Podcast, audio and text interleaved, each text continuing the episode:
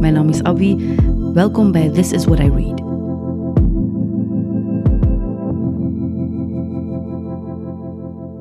Eind maart 2017 wordt auteur Rashida Lamrabet ontslagen door Unia, waar ze tot dan al jarenlang werkte als juriste.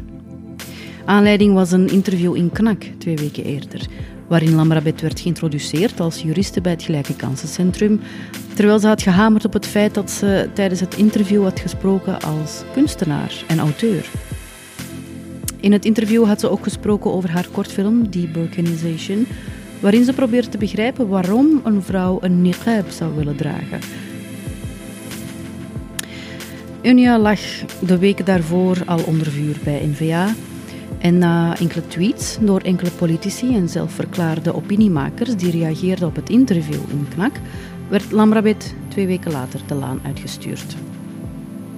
Hoewel ze toen al bezig was aan haar roman Vertel het iemand, besloot Lamrabet om na deze ervaring eerst een ander boek te schrijven, Zwijg allochtoon. Daarin probeert ze enkele antwoorden te vinden op een paar ongemakkelijke vragen. Ik sprak met haar over privacy, kunstenaarschap, identiteit en de angst om te spreken.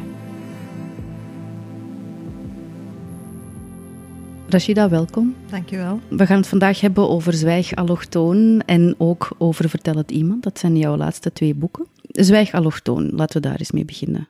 Je hebt dat geschreven uh, na de hele hetze met Unia, wat Klopt. er toen allemaal gebeurd is. En je stelde in dat boek eigenlijk een aantal uh, heel belangrijke vragen. Eén daarvan, helemaal in het begin van het boek, uh, is de vraag: is het legitiem om het recht op te eisen om niet gezien te worden? Laten we het daar eens even Mhm. over hebben. Uh, wat is volgens jou privacy? Hoeveel recht hebben we daar nog op? En hoe graag uh, geven mensen dat weg in ruil voor bijvoorbeeld veiligheid of de illusie van veiligheid? Mhm. Uh, Wat, wat ik vaststel en samen met mijn, een aantal andere uh, mensenrechtenjuristen is dat er toch wel een tendens is uh, waarbij mensen het blijkbaar niet al te erg vinden om een stuk hun privacy op te geven in ruil voor uh, zogezegd meer veiligheid of het gevoel te hebben dat je daardoor meer veiligheid wint. Als de overheid zegt van um, in ruil voor die veiligheid moet ik wel een stuk jouw privacy afnemen, uh, dan zie je heel weinig protest. Mensen protesteren daar niet, niet tegen. Ze vinden dat legitiem. Um, en dus vandaar dat we uh, de laatste tien jaar toch een enorme verschuiving hebben gezien van um, uh, wat mensen belangrijk vinden om te beschermen binnen dat domein van privacy en wat ze, wat, wat ze bereid zijn op te geven. Je ziet bijvoorbeeld nu in overal in de grote steden en in kleine gemeentes, uh, als je daar binnenrijdt of binnenloopt, dan word je gefilmd. We worden op straat gefilmd en dat was twintig jaar geleden uh, ondenkbaar. Vandaag vinden we dat heel normaal. Mhm. Mm. Dat we overal gefilmd worden. Er worden nummerplaten herkend. Uh, uh, er worden vingerafdrukken um, gescand. En dat zijn allemaal um, heel vergaande inbreuken op onze privacy.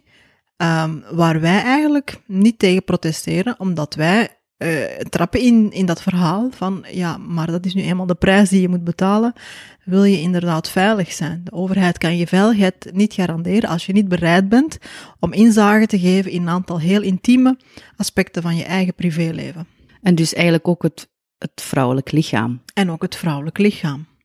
En daar is natuurlijk nog een ander aspect aan verbonden, en dat is natuurlijk dat uh, ja, er een, een, een, een, een ziekelijke obsessie is met het, uh, het lichaam uh, van de moslimen vooral. En dat is iets wat al teruggaat tot ten tijde van het kolonialisme, waarbij uh, de gesluierde vrouw een te, een, te, een te ontdekken territorium was. En een te ontbloten territorium is. Dus de, de gesluierde vrouw moest door de kolonisten ook gewoon ontsluierd worden.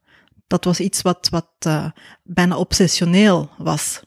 Ja, je schrijft in het boek ook over de, de, de ontsluieringsceremonies die gehouden werden. Dat is iets wat ik eigenlijk nog nooit had gehoord dat mm -hmm. dat gebeurde. Vertel eens. Ja, nee, wel inderdaad. De, ten, toen de, de Fransen uh, in Noord-Afrika um, um, die landen ging, gingen uh, koloniseren, um, was, eigenlijk het, het, uh, was er eigenlijk een heel um, bijzondere aandacht voor, voor, de, voor de islamitische vrouw, voor de moslima. Uh, er waren zelfs strategieën uh, om, om dat, dat, dat, ehm, dat imperialisme te vergemakkelijken door via de vrouw te gaan. Men dacht van als wij via de vrouw, als we de vrouw kunnen veroveren, aan onze kant scharen, dan zal die, uh, dat kolonialisme of dat imperialisme gemakkelijker gaan. Dan, dan kunnen wij ook het territorium gemakkelijker uh, winnen. Hè? Want de vrouw is uh, hoeksteen van de familie. neem je die weg, hè, dan stort um, die, die, sociale constructie eigenlijk in elkaar. En dus men was daar eigenlijk wel heel erg slim, hè, door te zeggen van oké, dan, dan gaan wij bij die vrouw beginnen. We gaan haar proberen los te, te rukken uit die sociale constructie. En van, de, van zodra dat we die vrouw aan onze kant hebben, dan stort dat heel, die hele sociale ordening van die maatschappij in elkaar. En is het heel gemakkelijk om uh, greep te krijgen op dat territorium. En dus was uh, er een bijzondere focus op de moslima. Ten tijde van het Frans kolonialisme. Het ontsluieren van die vrouw was daar een onderdeel van. En men gebruikte toen al eigenlijk een soort van feministisch discours. Om te zeggen van, kijk, uh, moslima, jij bent gesluierd, jij bent eigenlijk onderdrukt door een barbaarse religie. Uw mannen hebben u onder de knoet, maar wij kunnen u bevrijden. En we gaan u ontsluieren, zodat je op de Franse vrouw lijkt, die toch wel het toonbeeld is van uh, emancipatie en vrijheid. Ja, fast forward naar nu, waar het hoofddoekenverbod nog steeds vrouwen weghoudt van een job, van een opleiding.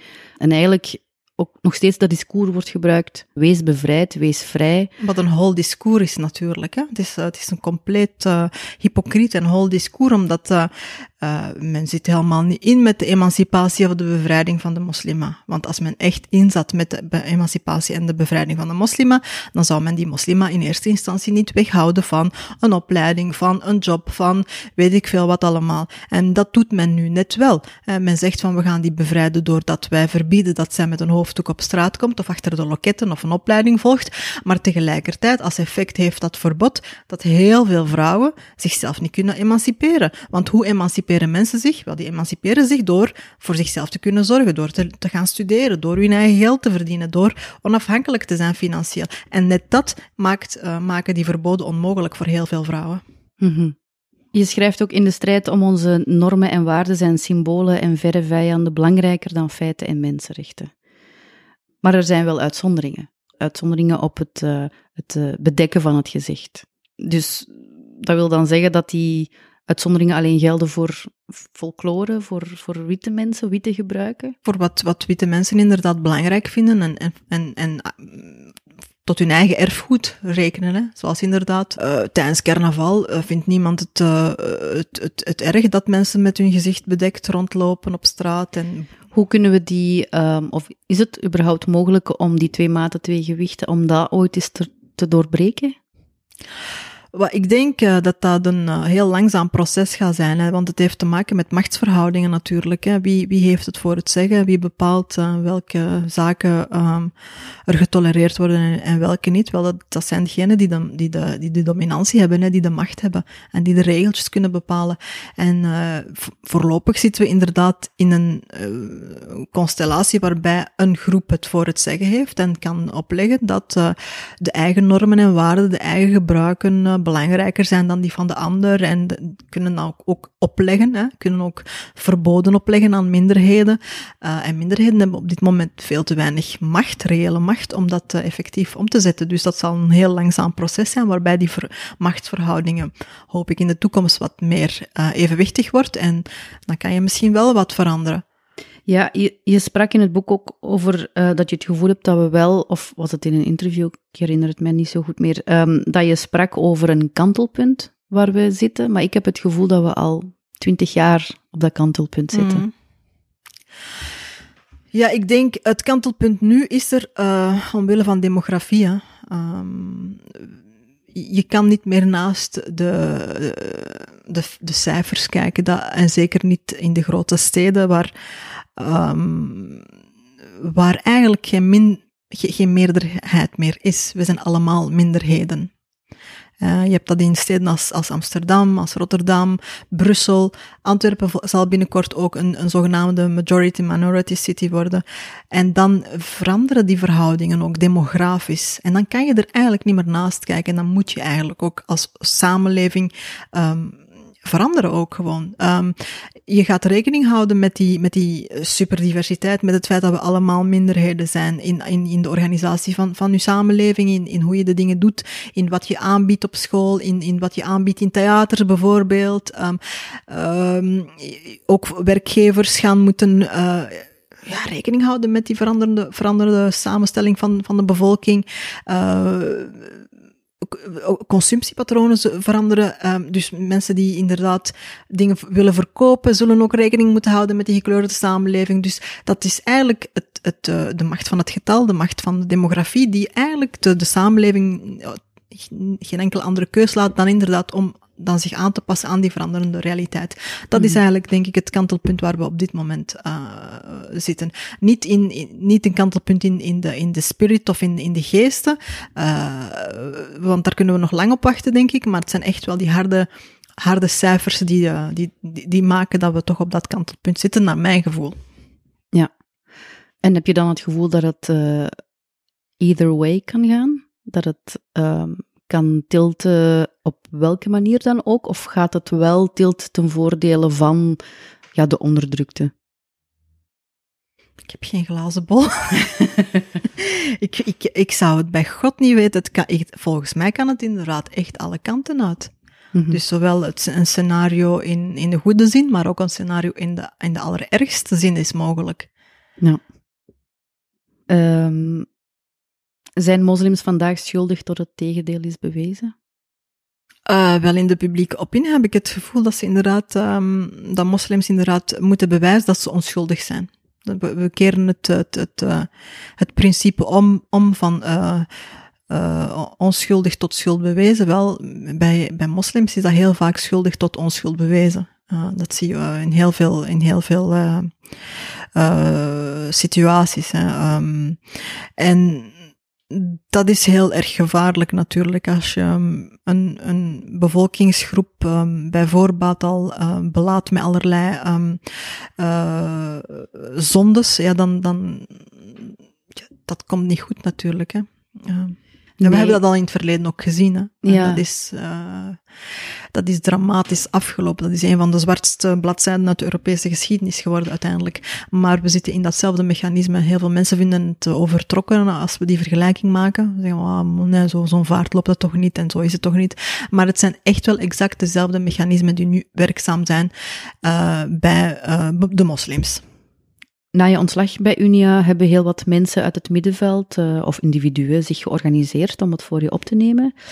Um, maar het was voor heel wat van die mensen ook een schok dat haast niemand uit het kunstenveld dat openlijk deed. Heb je jezelf ook die vraag gesteld? Ja, ik heb mij die vraag ook gesteld. Um, en ja, dat is moeilijk om daar een antwoord op te, op te formuleren, hè, omdat je, het, uh, je zou het eigenlijk bijna aan de mensen zelf moeten gaan vragen die zich uh, niet hebben laten horen hè, tijdens dat on, ontslag. Er, er zijn heel wat mensen die zich wel hebben laten horen, hè, ook mhm. uit, uh, uit de academische wereld, het middenveld, maar inderdaad, de grote stilte kwam vooral van mensen uit de kunstensector. En ik denk dat er wel verschillende verklaringen voor zijn. enerzijds, ik denk dat, dat heel die kunstenwereld zich um, mij niet ziet als, als deel uitmakend van, van hun wereld. Hm? Mm En waarom is dat dan? Uh, waarom is dat dan? Ja, omdat, um, omdat ik niet dezelfde naam heb als hen omdat ik ook niet dezelfde soort kunst maak als hen waarschijnlijk. Um, omdat ik het heb over um, dingen die ik belangrijk vind. Omdat ik uh, mijn politiek-sociaal engagement heel erg prominent naar voren duw. Maar er zijn evengoed ook witte kunstenaars die ook hun politiek-sociaal engagement tonen en zij kunnen hun kunst blijven maken. Wat mij opviel was gewoon het, het flagrante feit dat je niet erkend werd als kunstenaar. En dat jij eigenlijk samenviel met het personage uh, van het scenario dat je hebt mhm. geschreven. En dat, was, dat, kon, dat kon mijn brein gewoon niet bevatten. Dat je opeens Rashida Lamrabet de allochtoon was, in plaats van de kunstenaar, De en auteur. Ja. Nee, dat is inderdaad eh, iets wat, wat mij ook opviel, dat dat kunstenaarschap of dat auteurschap mij eigenlijk eh, ontnomen werd op de een of andere manier. En dat eh, wat ik schreef, en dat is een fictieproject, dat is geen documentaire, dat is, ik heb daar geen persoon opgevoerd die echt een sluier draagt, een gezichtssluier draagt. Maar ik heb daar een actrice voor ingehuurd en, en toch ehm, is dat eh, op de een of andere manier heeft dat een soort kortsluiting veroorzaakt in de hoofden van eh, heel veel kijkers, kunstenaars, die eh, zoiets hadden van ja, maar dit is, dit is gewoon een pamflet door Rashida Lamrabet, die inderdaad een soort van promofilmpje maakt. ehm, voor een bepaalde lezing van de islam bijvoorbeeld. eh, en, en dat is, dat is gevaarlijk, dat willen we niet hebben. Ehm, vooral al- als het gaat over, over de islam.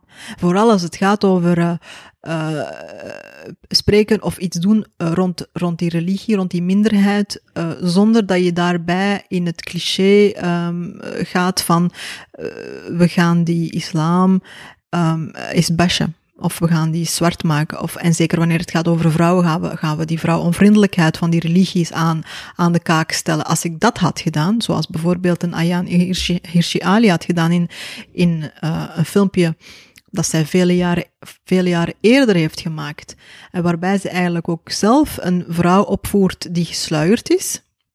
Maar naakt. Maar eigenlijk naakt, door een, een, een doorzichtige sluier. Waar, en, en het lichaam is dan helemaal be, betekend of beschreven met Koranversen. En waarin dat ze in het filmpje eigenlijk de brutaliteit en de vrouwenvriendelijkheid van die religie aankaarten. En ze heeft, ze heeft daar echt enorm veel lof voor gekregen. Um, als ik dat had gedaan, dan was ik waarschijnlijk wel een gevierd, een gevierd schrijfster. Dan had men geapplaudisseerd en gezegd van dit is heel gedurfd en dit is heel chapeau en knap en wauw. En, maar als je um, met nuance praat en als je zegt van kijk, maar ik, ik, wil, ik wil het hebben over uh, wat tolereren wij als samenleving van de minderheden, van de anderen, wanneer die anderen um, z, uh, wil gebruik maken van dezelfde rechten als u. Want het filmpje gaat over privacy. Wanneer aanvaarden wij, tot, wel, tot welke grens aanvaarden wij dat iemand beroep doet op het recht op privacy, wat een fundamenteel mensenrecht is, en wanneer is die grens overschreden? En blijkbaar is die grens heel snel overschreden wanneer het gaat over moslims, die heel duidelijk te, te kennen geven van mijn lichaam is privé en ik wil dat afzonderen, net zoals dat u uh, een aantal andere dingen afzondert van de buitenwereld. En dat is uw goed recht. Maar bij een moslima, wanneer dat zij op die manier haar privacy wil gebruiken, dan, uh, ja, dan slacht, uh, slacht, slacht men tilt en dan uh, kan dat niet. De kritiek die heel wat mensen hadden was het feit dat je op dat moment aan de slag was bij Unia en um, dat je een, een wetgeving of een wet in twijfel trok um, en dat dat een, een, een ambiguë houding was. Dat dat een, een soort van hoofdzonde was. Maar sinds wanneer zijn wetten eigenlijk in steen gebeiteld? Mm -hmm. Ik bedoel, als we, daar, als we dat standpunt innemen, dan, ja, dan kunnen we het parlement opdoeken. Het parlement doet inderdaad niks anders dan elke keer wetten in vraag stellen. Als we wetten niet in vraag uh, st mochten stellen, dan hadden we bijvoorbeeld uh, geen uh, huwelijk tussen mensen van hetzelfde geslacht, bijvoorbeeld. als we wetten niet in vraag mochten stellen, dan hadden we bijvoorbeeld ook nog steeds niet dat vrouwen zelf mogen beslissen of zij gaan werken of niet, contracten kan afsluiten, kunnen afsluiten of niet, dan, dan, dan zaten we daar nog in. Het is dankzij het feit dat mensen constant wetten in vraag stellen dat wij vooruit, uh, dat wij vooruitkomen. Mm -hmm. Ja. Zou je het opnieuw doen? Ik zou het opnieuw doen en uh, ik uh, hoop dat het dan op een andere manier loopt dan dat het is gelopen natuurlijk. Hè, want ik vind de manier waarop dat erop gereageerd is geweest vanuit Unia, die toch een instelling is die in het leven is geroepen om net de, de rechten van de meest kwetsbaren te verdedigen in deze samenleving. Dat, uh, een instelling die ook de ambitie heeft om een soort van mensenrechteninstituut te worden, dat, dat die dan op een, op een gezondere manier en op een evenwichtigere manier reageert. In plaats van mee te gaan in de hysterie en haar eigen taak eigenlijk te veronachtzamen, namelijk het, het opnemen voor minderheden, voor de dissenting opinion, voor degene die afwijkt uh, van de, de mainstream enzovoort. Uh, daar is Unia wel heel erg um, tekort uh, geschoten en ik hoop dat ze nu wel hun les hebben geleerd. Dus je gelooft nog wel in een instelling als Unia? Ik geloof in een instelling die uh, erop moet toezien dat de rechten van de meeste zwakken beschermd worden of verdedigd worden. Dat geloof ik wel. Um, ik geloof niet in een instelling die niet onafhankelijk is. En dat is op dit moment Unia niet. Unia is geen onafhankelijke instelling. Uh, ook de reden waarom dat ze nog, tot op de dag van vandaag nog steeds niet dat A-statuut hebben, uh, dat um, zegt dat, um, dat van hen een, onafhankelijke uh, mensenrechteninstelling maakt. En dus daar moeten ze wel um, ja, aan werken. Als, als, als we het echt menen met een onafhankelijke instelling die opkomt voor mensenrechten, dan moet uh, Unia een onafhankelijke instelling worden, uh, niet politiek beïnvloedbaar, met een raad van bestuur die niet politiek samengesteld is, uh, enzovoort. En dan denk ik dat het wel nuttig is en dat het noodzakelijk is dat we zo'n instelling um, hebben. Mensenrechten kan je niet individueel gaan, gaan, gaan, gaan, gaan beschermen. Je hebt daar echt wel een instituut voor nodig om het op te, ne te nemen te, te, voor de, de, de minderheden, voor de kleine mens tegen uh, de, grote, de grote staat en, en, en, en weet ik veel wat. Dus dat, dat is wel onontbeerlijk. Maar in de huidige uh, vorm is het denk ik een instelling die tekort schiet. Voor wie schreef je Zwijg Allochtoon? In eerste instantie voor mijn eigen kinderen. Um, omdat ik um, het gevoel had um, dat zij niet goed begreep wat er gebeurde. ik vond het belangrijk om, om vooral mijn oudste zoon, om hem dat uit te leggen. omdat ik geen zin had dat hij een soort van defetistische houding zou krijgen en zeggen van...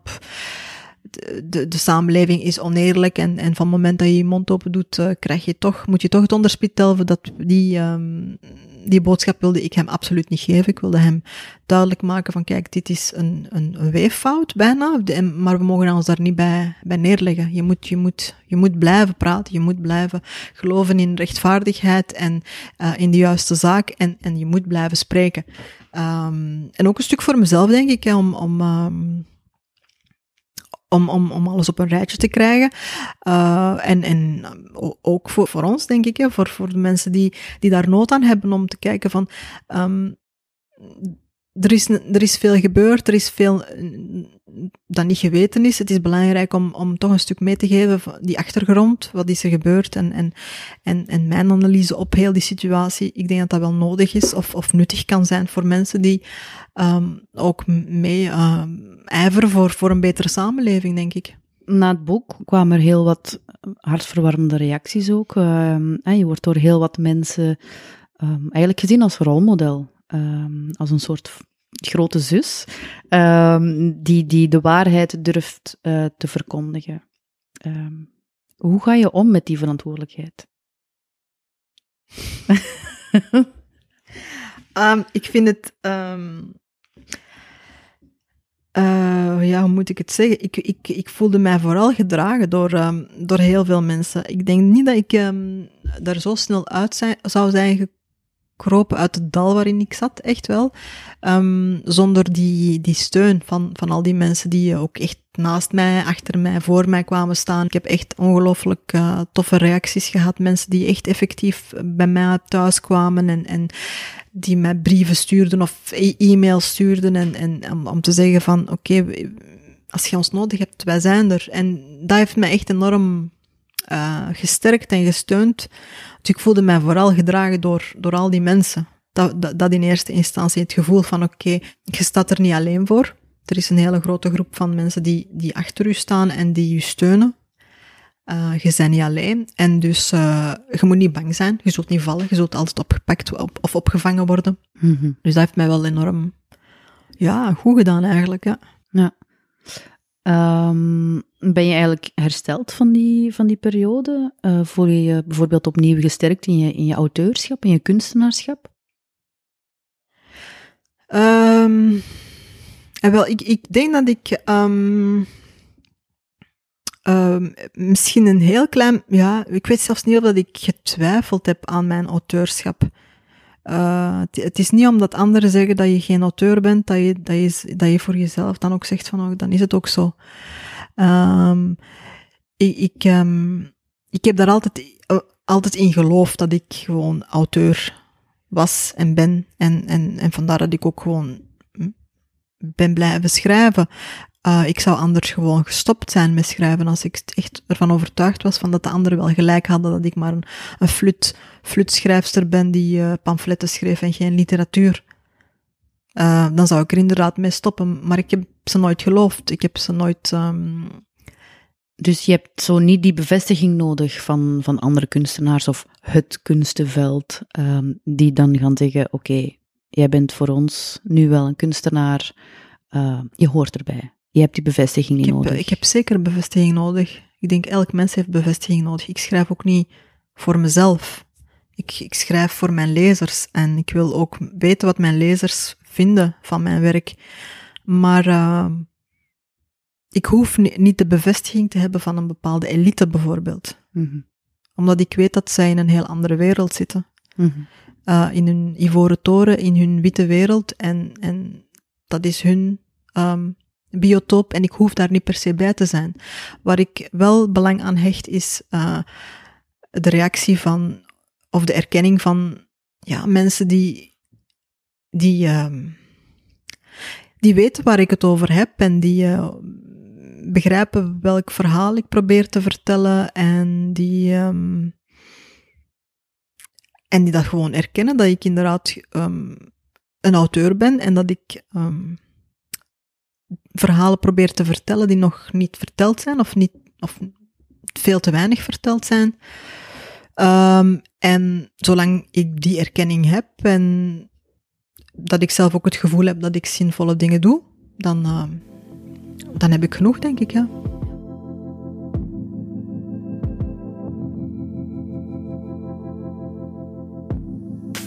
De nieuwe roman van Rashida Lamrabet heet Vertel het iemand. Tijdens de Eerste Wereldoorlog wordt een naamloze jonge MS zich naar het Franse front gestuurd. Hij moet vechten voor de vrijheid van de kolonisten die zijn land bezetten. Hij maakt gruwelijke dingen mee, die hij neerschrijft in zijn dagboek.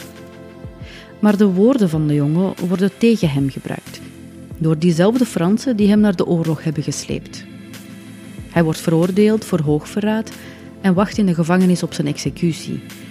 En daar vertelt hij zijn verhaal aan zijn vader, een Fransman, ook naamloos, die door Marokko reist om te tekenen.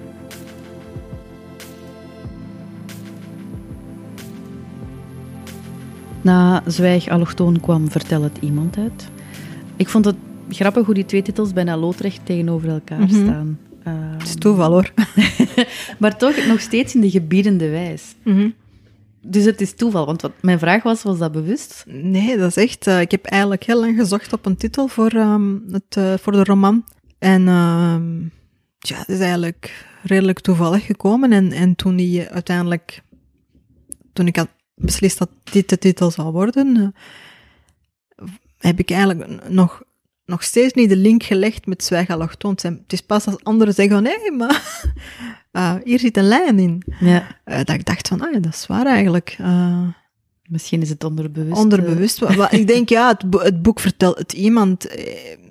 daar is ook een, natuurlijk een reflectie, of een, je, je, je, voelt daar ook wel een stuk het verhaal in dat ik heb meegemaakt hè, met Zwijg allochtoon. Mm -hmm. Dus on, ongetwijfeld, ja, dat zit er ook een stuk in. Niet, niet, niet, niet vingerdik, hè, maar uh, ja, die, die verhaallijn gaat daar toch ook een stukje over. Over het feit dat uh, de verbeelding tegen u kan gebruikt worden. Um, en dat de taal tegen u kan gebruikt worden. En, uh, ja. ja, want dat vond ik inderdaad heel frappant. Dus de jonge man houdt in het leger een dagboek bij. Um, een beetje op vraag van de andere jongens in zijn regiment. Um, hij is ook de enige die kan schrijven. Uh, dus die andere jongens willen dat iemand hun geschiedenis neerschrijft en vastlegt. Um, hoe, hoe, belangrijk vind je dat zelf in je eigen werk? Dat, dat er iemand is die die onvertelde verhalen toch naar, naar de buitenwereld uh, brengt?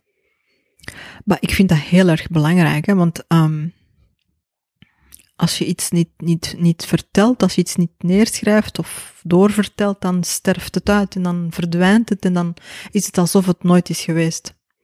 En uh, je ziet dat ook in heel dat verhaal van, uh, uh, die goumiers of die tirailleurs, die jongens die vanuit uh, Noord-Afrika, uh, maar niet alleen vanuit Noord-Afrika, maar van Centraal-Afrika, van West-Afrika, van Azië, zijn meegekomen. Alle kolonies. Alle koloniën um, hebben toen, groot, groot, het, het, Verenigd Koninkrijk heeft toen, um, Groot-Brittannië heeft toen mensen uit Indië laten, laten meevechten, uit Australië, uit Frankrijk, uit, uit, uit Afrika.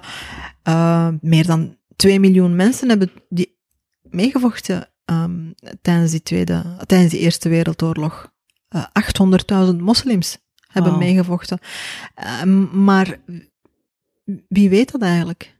Ik, ik, ik vind dat echt hallucinant. Ik heb net ook um, twee weken geleden een interview gegeven aan, aan een, iemand van het, ik geloof het Vermijlenfonds. Een man van in de, in de 60 of zelfs tegen de 70 bijna, die mij zegt van ik wist dat niet. Mm Ik wist dat niet, dat, dat, dat die mensen hebben meegevochten hier uh, tijdens die Eerste Wereld. En dat vind ik hallucinant. Ja. Um, dat, dit, dat dit niet geweten is. Maar waarom is dat niet geweten dan? Dat is, is, dat, is, dat, is dat een fout? Is dat onbewust? Of is dat heel bewust? Dat men inderdaad de bijdrage van um, die mensen gewoon stil, um, onder de mat veegt eigenlijk. Hè? Mm -hmm. En als dat bewust is, ja, met welk doel doet men dat dan? Dat zijn interessante vragen, denk ik, die wij ons moeten stellen. Want het zegt ook iets over vandaag. Want ja. als je erkent dat, dat, uh, dat die bijdrage van die mannen daar was, ze zijn ook komen vechten voor onze vrijheid en onze, ja, onze normen en onze waarden hier in, tijdens de Eerste Wereldoorlog. Ze zijn hier gesneuveld. Over wat hebben we het dan als we het hebben van, als we het dan hebben over onze normen en waarden en als we het hebben over, jij hoort hier niet, ga maar terug naar huis, uh, dan gaat dat niet meer op, hè? Nee, ik vind het bijna iets pervers hebben eigenlijk. Uh, dat je dan mensen gaat halen uit gebieden die je met geweld hebt bezet, dat je die gaat gebruiken als ja, kanonnenvlees. Zo, alle soldaten waren kanonnenvlees. Um, ja, en dat je dan nu diezelfde mensen, dat je die gewoon uitspuwt. Als dat je die niet moet hebben van jullie zijn profiteurs en gaat terug van waar jullie komen. Ten eerste, jullie zijn eerst naar ons gekomen. Toch? Ja. De, wie, wie, wie, is, wie is de hele wereld komen koloniseren? Dat waren niet uh, de, de Marokkanen uit uh, de Atlasgebergte. Dat waren, ja, dat waren de Fransen, de Portugezen, dat waren de, de Britten. Dus, en, en dan beweren van, ja, nu, nu komen die mensen naar hier, omdat ze eigenlijk ook een stuk... Uh, de, de, de welvaart ook volgen en de, de grondstoffen volgen die uit de landen zijn weggehaald, mm -hmm. ja, dan, dan gaat het plotseling niet meer. Ja. Waarom gaf je de twee hoofdpersonages geen namen? De vader en de zoon? Um, de zoon vooral omdat um, ik hem wilde laten symbool staan voor de onbekende soldaat. Voor degene die geen naam heeft, degene die niet benoemd wordt, die mm -hmm. geen graf heeft, die geen plaats heeft, um, geen naam heeft in de geschiedenis. En ik vond dat eigenlijk wel symbolisch wel passend om hem dan ook geen naam te geven. We weten niet over wie het gaat. Um, uh, zoals hem zijn er duizenden en duizenden. En, um, en we weten niet van waar ze komen, wie ze zijn, hoe ze heten enzovoort. Maar ze zijn er wel geweest. En het feit dat ze nu ook genegeerd worden in heel dat herdenkingscircus van de eerste, voor de Eerste Wereldoorlog, mm -hmm. ziet je dat ook. Hè? Die, die, die jongens zijn gewoon niet, uh, die worden niet op de voorgrond getrokken. Hè. Die worden niet um, op het podium gehezen om, om hen te vieren. Hè. Dat is ja. uh, alsof dat ze niet, nooit hier zijn geweest, alsof dat ze nooit uh, mee hebben gevochten. En dus dacht ik dat het wel passend was om die jongen dan ook geen naam te geven. Mm -hmm. Voor wat de vader betreft, daar um, had ik het gevoel van, um, ik hoef die ook geen naam te geven, omdat inderdaad we weten wie dat hij is. Ja. Hij is al overal en um, dominant en, en, en we kunnen daar een gezicht bij plakken, een geschiedenis, een, een, een, een hele familiehistorie. Um, we weten wat zijn drijfveren zijn ook als kolonist, wat hij heeft aangericht. Mm -hmm. En waarom hem dan ook nog een naam, naam geven, als we weten wie het is. Ja. Is het verhaal ook een zoektocht naar identiteit? Uh, de naamloze jongen groeit op met het idee dat zijn vader een heldhaftige man was, die tijdens een aanval door de soldaten van de sultan het leven liet. Hij hangt daar heel zijn identiteit aan vast. Um, en als hij later uh, de waarheid te weten komt uh, over wie zijn echte vader is, dan stort zijn wereld een beetje in elkaar. Hè? Begrijpelijk. Dus is het boek ook een beetje een zoektocht naar identiteit? Um, ik denk dat vooral een, een um, ja, het boek is een soort van ontnuchter, een, een ontnuchtering of een ont, ontluisterend iets. In die zin dat, um,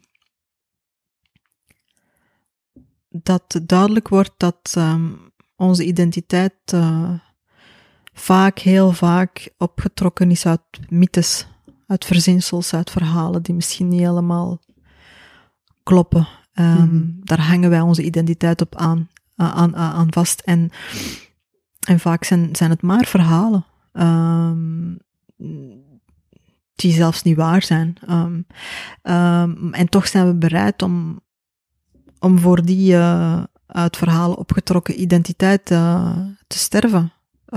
Grote dingen te gaan doen. En dus wat, wat het boek vooral is, is, is, is ja, een soort van, van onttovering van, van de mythe dat, um, dat, ons, dat wij um, onze identiteit ja, gewoon optrekken aan, aan, aan, aan aan verhaaltjes, aan fabulaties. En mm -hmm. dat we daar misschien ook met een korreltje zout mee moeten omgaan. En dat we misschien ook moeten nadenken. En waarom, dit ver, waarom dit verhaal wel en dit verhaal niet? En waar komt dat dan vandaan? Um, uh, al, die, al die verhalen, welk doel dienen ze dan? Uh, um, die verhalen die ze ons doen geloven. En ik, ik denk dat identiteit um, voor mij iets is wat um, wat je niet krijgt bij je geboorte, mm-hmm. maar wat je in de loop van je leven gewoon verwerft. En dat dus heel veranderlijk is en als een soort van stroom die meegaat met, met gedurende heel je leven en die van in, in, in, in de loop van je leven ook verandert van, van, van debiet, van, van kleur, van, van, van geluid. En, en het, het blijft dezelfde stroom, maar ja.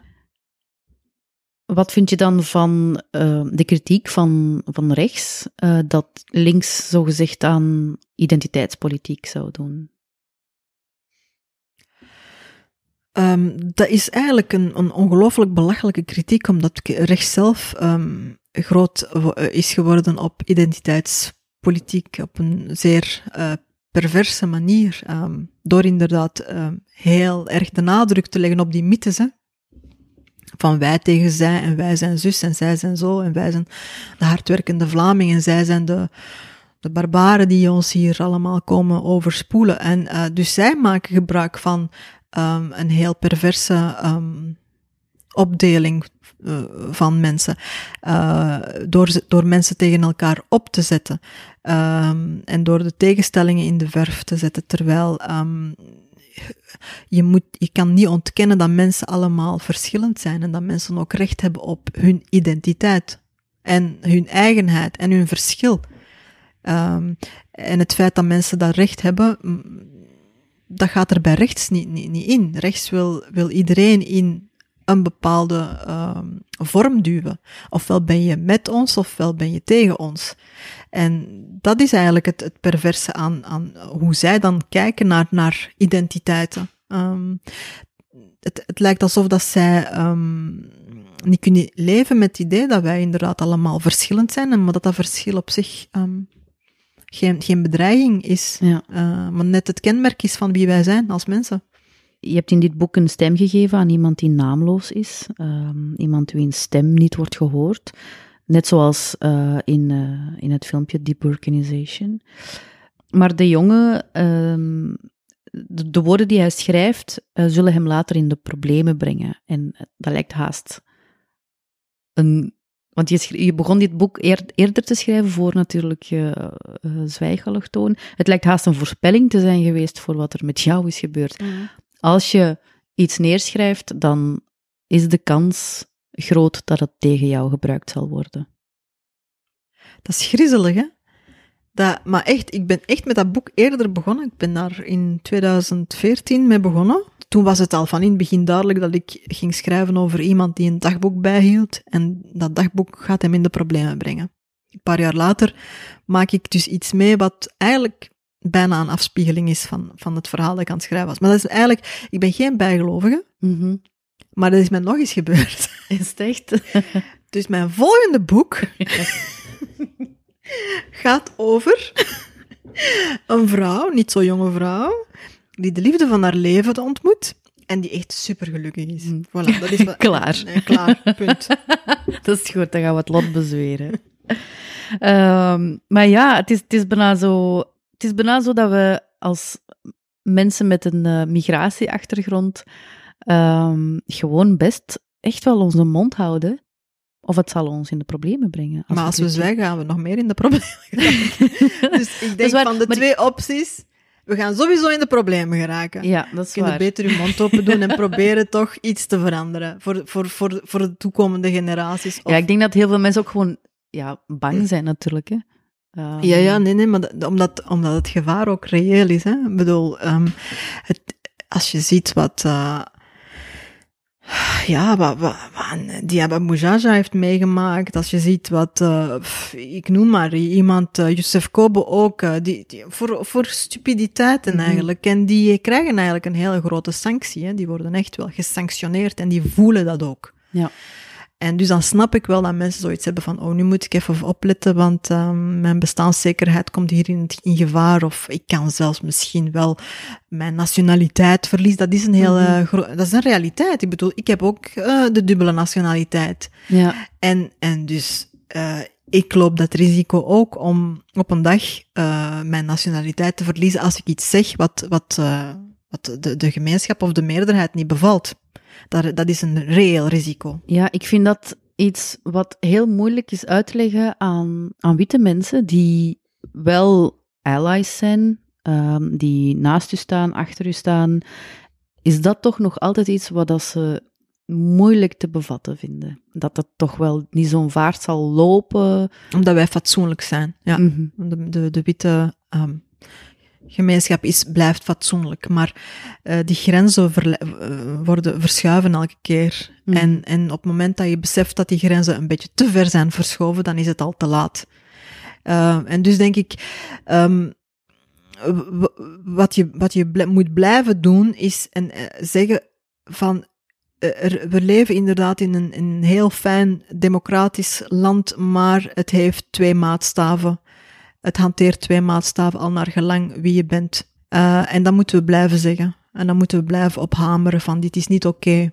Mhm. Ook al, eh, en, en die allies, wat zij kunnen doen, is inderdaad, ook al ben ik niet direct betrokken, of ook, ook al loop ik inderdaad niet direct eh, zelfrisico, ik moet dat ook blijven aanklagen.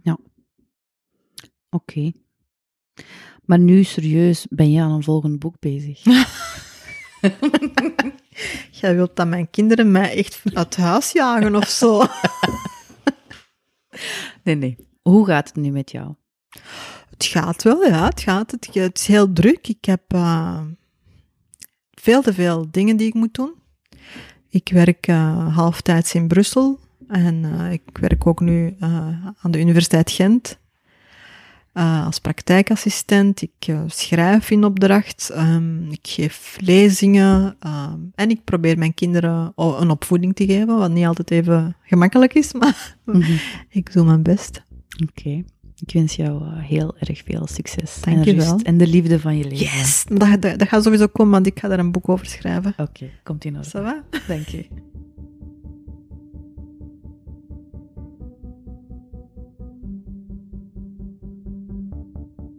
Toen ik, eh, toen ik het er straks tegen Rashida had over dat ze door sommige mensen wordt beschouwd als een soort grote zus die de waarheid durft te spreken, ik had het eigenlijk over mezelf. Ik beschouw haar zo. Ehm, maar ik heb het daar niet gezegd. Misschien maar goed ook. Dit was de derde aflevering alweer van This is What I Read. Ehm, volg ons op SoundCloud, iTunes en nu ook op Spotify. Dit was This is What I Read, aflevering 3. Tot de volgende keer.